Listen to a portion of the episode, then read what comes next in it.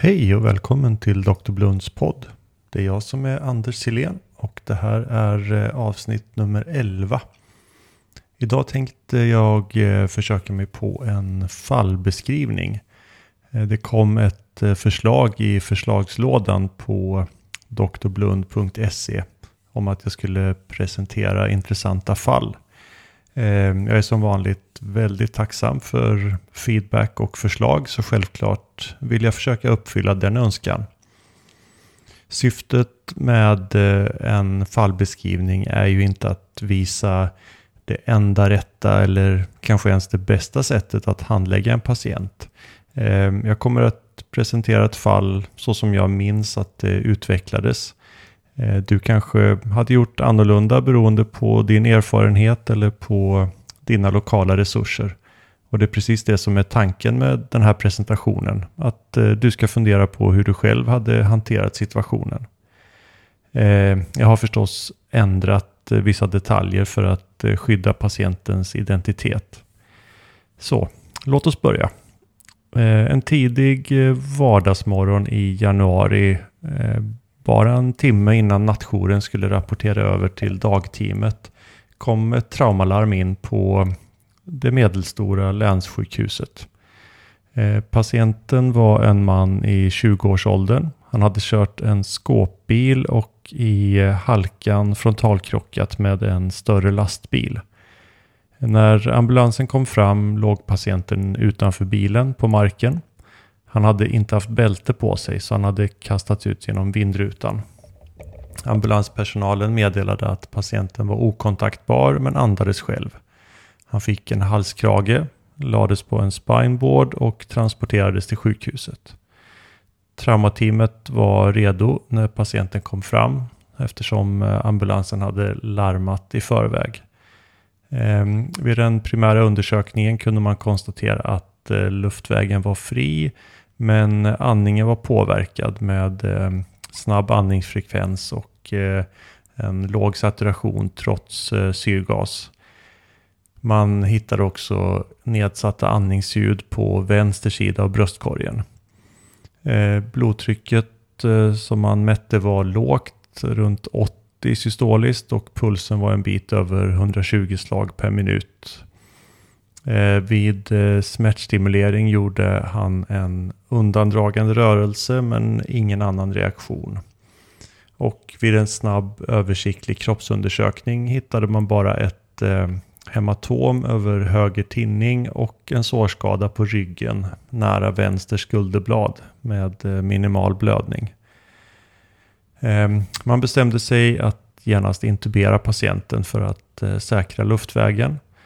Och eh, efter det på grund av eh, fortsatt låg saturation och eh, nedsatta andningsljud satte man också ett thoraxdrän thoraxträn på vänster sida.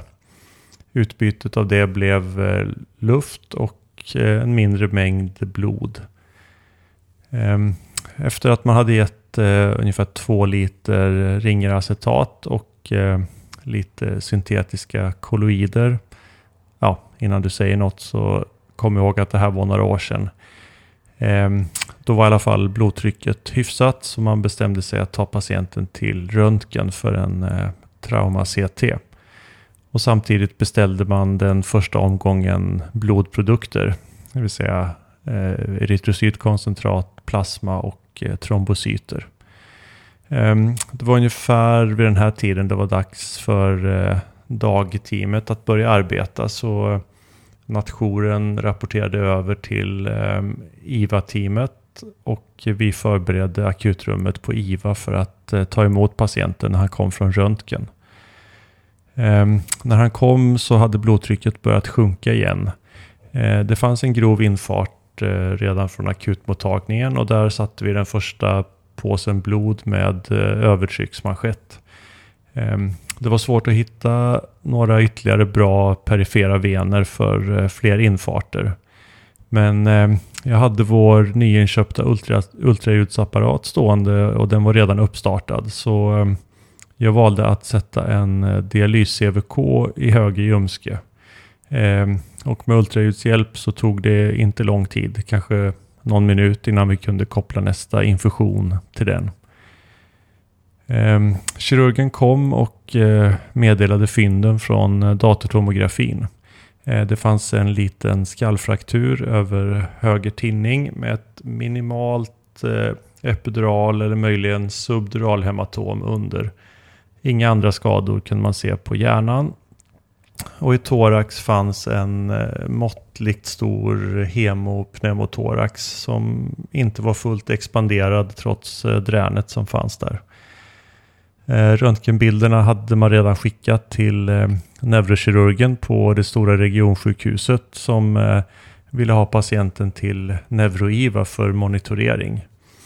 Och på grund av att det var väldigt halt ute och att patienten inte var helt stabil bestämde man sig för att transporten skulle ske med helikopter. Medan vi väntade på det så fortsatte vi att försöka stabilisera patienten och förbereda för transporten.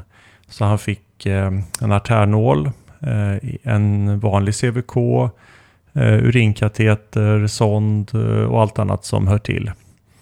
Eh, eftersom vi var ganska många så kunde jag ta ett steg tillbaka och eh, överblicka situationen. Ehm, då såg jag att vi hade tre påsar blod, alla under övertryck kopplade till patienten. Och ändå sjönk blodtrycket Eh, och pulsen fortsatte stiga. Det var helt enkelt något som inte stod rätt till. Eh, jag kallade till mig kirurgen och vi började leta efter en blödningskälla. Eh, sköterskan upptäckte då att det fanns färskt blod i sängen under patienten. Ja, jag vet att det låter som hämtat ur ett ATLS-prov, men det är faktiskt sant. Ehm, när vi vände på patienten för att titta efter källan, då tömde det sig plötsligt mer än två liter ur thoraxdränet. Eh, så nu visste vi i alla fall var blödningen var någonstans. Och det var nu uppenbart att eh, patienten behövde kirurgi för att stoppa blödningen. Och vi bestämde snabbt att det skulle gå fortast att göra det inne på IVA. Eh, vi lyckades ganska snabbt att eh, få ett operationslag att komma från operationsavdelningen. Och eh, kirurgen gjorde en vänstersidig torakotomi där i sängen på IVA. Eh, för att eh, underlätta ingreppet så eh, isolerades eh, lungan genom att tuben avsiktligt stoppades ner i höger huvudbronk och det fungerade ganska bra. Just när bröstkorgen hade öppnats då kom transportteamet från helikoptern in på akutsalen med bår och övervakningsutrustning. Men eh, det stod ju ganska snabbt klart att patienten inte var stabil nog för transport. Och de hade andra uppdrag på kö så de eh, gav sig av igen med helikoptern. Ehm, eh, under torakotomin visade det sig att eh, ett av revbenen hade gått av på två ställen och eh, penetrerat både lungan och huden. Det blödde ymnigt från en lunglaceration men det gick att stilla blödningen med några suturer. Och eh, då kunde vi konstatera att blodtrycket stabiliserades ganska snart efter det. Eh, genom patientens diafragma kunde kirurgen palpera mjälten och eh, det fanns en misstanke om att eh, den var rupturerad, även om ingen skada syntes på röntgen. Ehm, så det beslutades att ta patienten till operation för att ehm, göra en formell slutning av eh, bröstkorgen och sen göra en laparotomi för att leta efter ytterligare blödningskälla. Ehm, på operationssalen stängdes torakotomin och man gjorde en explorativ laparotomi. Dock hittades inget mer blod och mjälten visade sig vara intakt. Samtidigt som eh, kirurgen sydde ihop buken så upptäckte jag plötsligt att eh, patientens högra pupill hade dilaterats och var ljusdel. Det verkar som om problemen aldrig tog slut den här dagen. Vi eh, skyndade oss att ta patienten tillbaka till röntgen för en ny datortomografi och då visade det sig att Eh, det tidigare minimala epiduralhematomet nu hade expanderat och eh, gav upphov till en rejäl masseffekt med eh, överskjutning av mittlinjen. Så, tillbaka till operationssalen igen. Vi är fortfarande kvar på samma eh, medelstora länssjukhus. Ehm, samma kirurg som hade gjort de andra ingreppen gjorde nu en eh, liten kraniotomi och tömde ut epiduralhematomet. Ehm, och eh, det gav upphov till en mycket tillfredsställande sammandragning av den högra pupillen som bekräftade att operationen hade den önskade effekten. Under tiden som eh, kraniotomin pågick eh, kontaktade vi åter helikoptern som nu var ledig igen och satte kurs mot oss för andra gången den här dagen. Eh, de kom fram eh, ganska snart och kunde faktiskt ta patienten direkt från operationssalen eh, han flögs till regionsjukhuset för mer formell neurokirurgi och efterföljande intensivvård. Ehm, ungefär två veckor senare, faktiskt mindre än två veckor senare, så kom han tillbaka till vårt sjukhus igen. Han var då fullt vaken och eh, hade inga uppenbara neurologiska men. Han skrevs ut eh, ganska snart därefter och så vitt jag vet så har han idag normal funktionsförmåga. Eh, om än ett par R på kroppen. Ehm, ja, det var fallet och även om det inte är något unikt med ett traumafall av det här slaget så är det definitivt ett fall som jag kommer att minnas.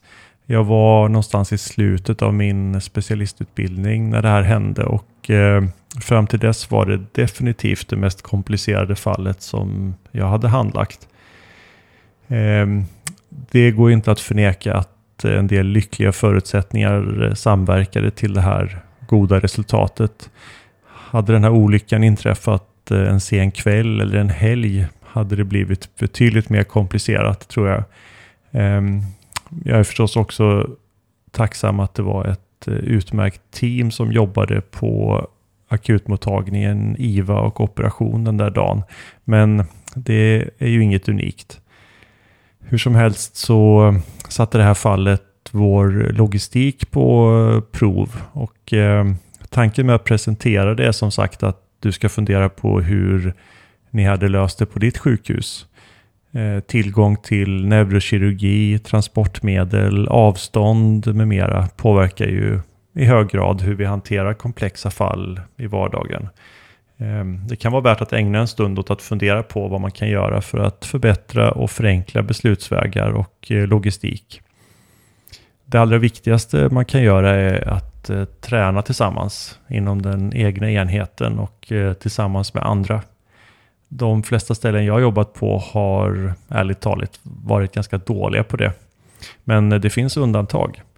Ehm, jag vill gärna höra från dig, eh, både om du har tankar kring det här fallet och om du kan berätta hur ni gör på ditt sjukhus för att öva och förbereda för komplexa fall och Eh, svåra situationer.